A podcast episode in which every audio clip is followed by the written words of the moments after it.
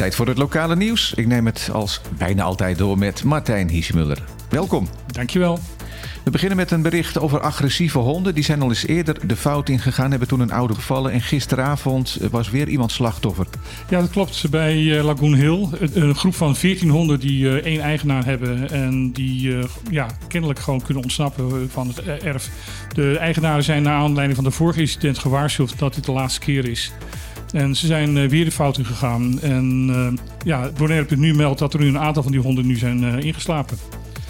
Ja, de dus- eigenaren bagatelliseren het geheel toch weer een beetje. Hè? Die zeggen van ja, het zijn vooral puppies en er was er maar één die gebeten heeft. En dat soort argumenten. Dat soort argumenten zijn inderdaad uh, gebruikt. Ja, het maakt niet uit. Als er 1400 agressief tegen je lopen te zijn, uh, dan is dat bedreigend. En als er dan maar één bijt, dan is dat al één te veel. Ja.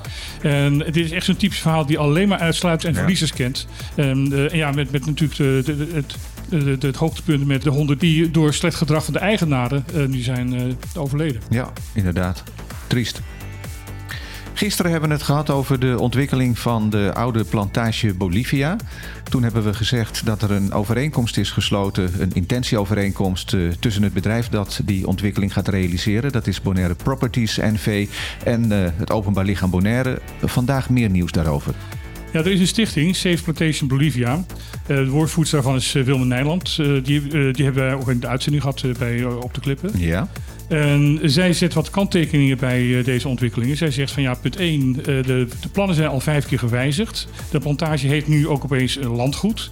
We hebben de indruk dat dat door opportunisme wordt ingegeven. En om de 12 miljoen die ze aan de, aan de aankoop hebben uitgegeven weer terug te verdienen. Eerst zou er 2% bebouwd gaan worden, toen 20% en nu wordt het opeens weer 10%. Men verandert namelijk nogal veel van plannen. Veel onduidelijkheid dus. Veel onduidelijkheid. En wat uh, Nederland zich ook afvraagt, van of de Breemharen zich uh, realiseren dat het om een hek gaat om 2700 hectare. En dat is een hek van 24 kilometer om de, de geiten buiten te houden. En dat moet ook onderhouden worden. Want ze hebben aangekondigd dat ze van plan zijn de geiten buiten te houden. Ja, om op die manier de natuur te beschermen. Juist, en te herstellen deels. Dus ja, de, de, de, vraag is terecht, denk ik, van uh, beseffen ze eigenlijk wel wat ze, wat ze aangaan? Ja, vragen die we dus eigenlijk zouden moeten kunnen stellen aan, uh, aan die familie Breemhaar. Of aan, uh, in dit geval, heet ze niet Mieke? Ja, Mieke Breemhaar, ja. de, de, vrouw van, van, van Mijnen. Ja. En die is directrice van de, van de, van de NV. En ja, wij zouden haar heel graag in, op de klippen hebben om ja, een aantal vragen te beantwoorden. Ja, het zou mooi zijn als, als dat gaat lukken. Overigens wordt nu misschien de indruk gewekt dat er alleen maar tegenstanders zijn van die ontwikkeling van Bolivia. Maar ik hoor toch ook veel mensen die het een prima plan vinden en die het, die het goed zien zitten. Maar die krijgen waarschijnlijk wat minder aandacht. Die krijgen wat minder aandacht, maar die zijn er inderdaad ook. En het is goed dat je dat zegt. Um, er zijn ook mensen die zeggen van ja, eindelijk gebeurt er wat met die, met die vervallen toestand. Ja. Precies, dus het, uh, het heeft twee kanten. Ja.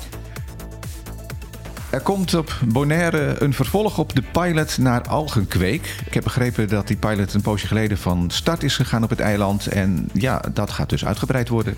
Ja, al een paar jaar geleden is de Universiteit van Wageningen op het terrein van de web bij Thousand Steps een, een proef begonnen. En dat is succesvol, dus ze willen het nu gaan uitbreiden. Het gaat om de kweek van de microalg Picochlorum sp. Ja. En dat is een alg die al uh, rondom Bonaire in de zee voorkomt. En is aangepast aan de, uh, aan de klimaatomstandigheden op het eiland. Dus wat dat betreft ideaal om dat te doen. Waarom is algenkweek belangrijk? Nou, het, het zal waarschijnlijk in de toekomst een alternatieve voedsel- en energiebron gaan worden. Ja, ik hoor bijvoorbeeld dat het ook al deels gebruikt wordt voor uh, vliegtuigbrandstof. Dat klopt. Uh, er is vanuit de energie van, van algen heel goed kerosine te maken. Aha. En als je dat produceren van die alg doet met wind- en zonne-energie, dan is het ook CO2-neutraal. Maar die algen die, die komen dus voor in de wateren van Bonaire. Maar die worden dan op het land verder gekweekt. Ja, ze hebben, ze hebben een soort uh, generator, uh, of bioreactor noemen ze het, hebben ze het gebouwd. Uh, waar de kweek van algen wordt versneld. Ja. En waarbij het echt binnen een, een nood van tijd enorm veel algen gekweekt is. En dat ook doorgaat. Want in de natuur gaat het veel langzamer. Ja, misschien een rare vraag. Maar zijn algen beestjes of planten? Het zijn sporen. Het zijn sporen, kijk. Het zit daar dus net... Maar het zijn in ieder geval geen beestjes. Oké. Okay. En dan voor wat betreft uh, gebruikt in de voedselvoorziening. Uh, waar moet ik dan aan denken? Nou, de 50% van een alg bestaat uit zeer voedzame eiwitten. En daar kan gewoon bijvoorbeeld vegetarisch vlees van gemaakt worden. Oké. Okay. Dus ik, ja, ik zat meer aan veevoer te denken, maar dat is dus niet het geval. Dat kan. Uh, dat, het kan ook veevoer zijn, maar het kan ook voor mensen zijn. Het, uh, ook voor cosmetica kan het gebruikt worden. Die eiwitten zijn ook nodig voor bij, bij cosmetica-productie. Ja, en afhankelijk natuurlijk van de resultaten van het uh, vervolgonderzoek wordt dan gekeken of dat op grotere schaal ingezet ja, kan worden. En het zou eventueel een manier kunnen zijn waardoor Bonaire minder afhankelijk van toerisme wordt voor inkomen. Ja, het uh, toeristenbureau, het TCB, heeft al eerder gezegd uh, Bonaire als premium bestemming te gaan willen promoten. Uh, inmiddels is er wat meer duidelijkheid gekomen over wat er al is gebeurd om de juiste mensen te bereiken. Nou, wat uh, Maus Messera, de CEO van TCB, nu roept en, en ook zegt van het belangrijkste op dit moment is positioneringsstrategie, zoals hij dat dan noemt.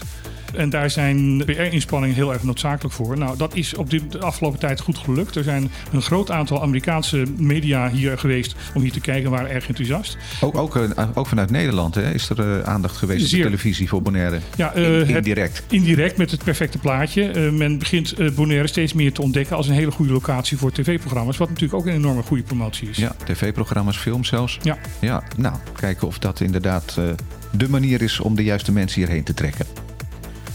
Dan is de fitnessschool die boven Blokker zat verhuisd naar een uh, ja, toch wel mooiere locatie. Ja, en waar, waar veel minder overlast is. Want uh, de grote klacht van, uh, van de fitness daar was dat ze enorm veel herrie maakten. Omdat dat alles klopt. open was. Ja, alles stond open en dan het geluid heel hard aan. Maar ze zijn nu verhuisd naar, naar Delphins. Um, een prachtig nieuw gebouw voor neergezet. Dreams Fitness heet het nu. Met twee verdiepingen, ultramodern.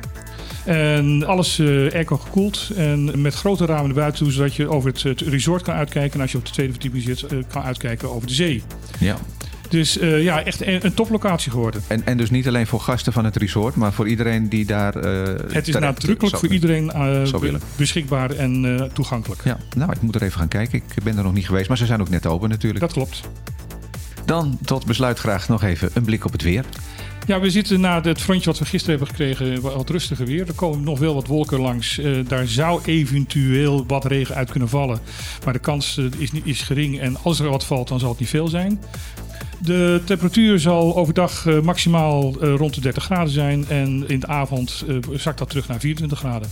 Het wordt elke dag een, een, beetje koeler, lijkt het wel in de avond. Ja, dat, dat klopt. Uh, we hebben al 23 graden gehad. Uh, in ieder geval, ik heb mijn, iedere keer s'nachts mijn airco uitgezet. How low en, can we go? Ja, en uh, ik, ik slaap nu met de ramen open en dat is heerlijk. Heerlijk. Goed. Dankjewel Martijn en tot morgen. Tot morgen.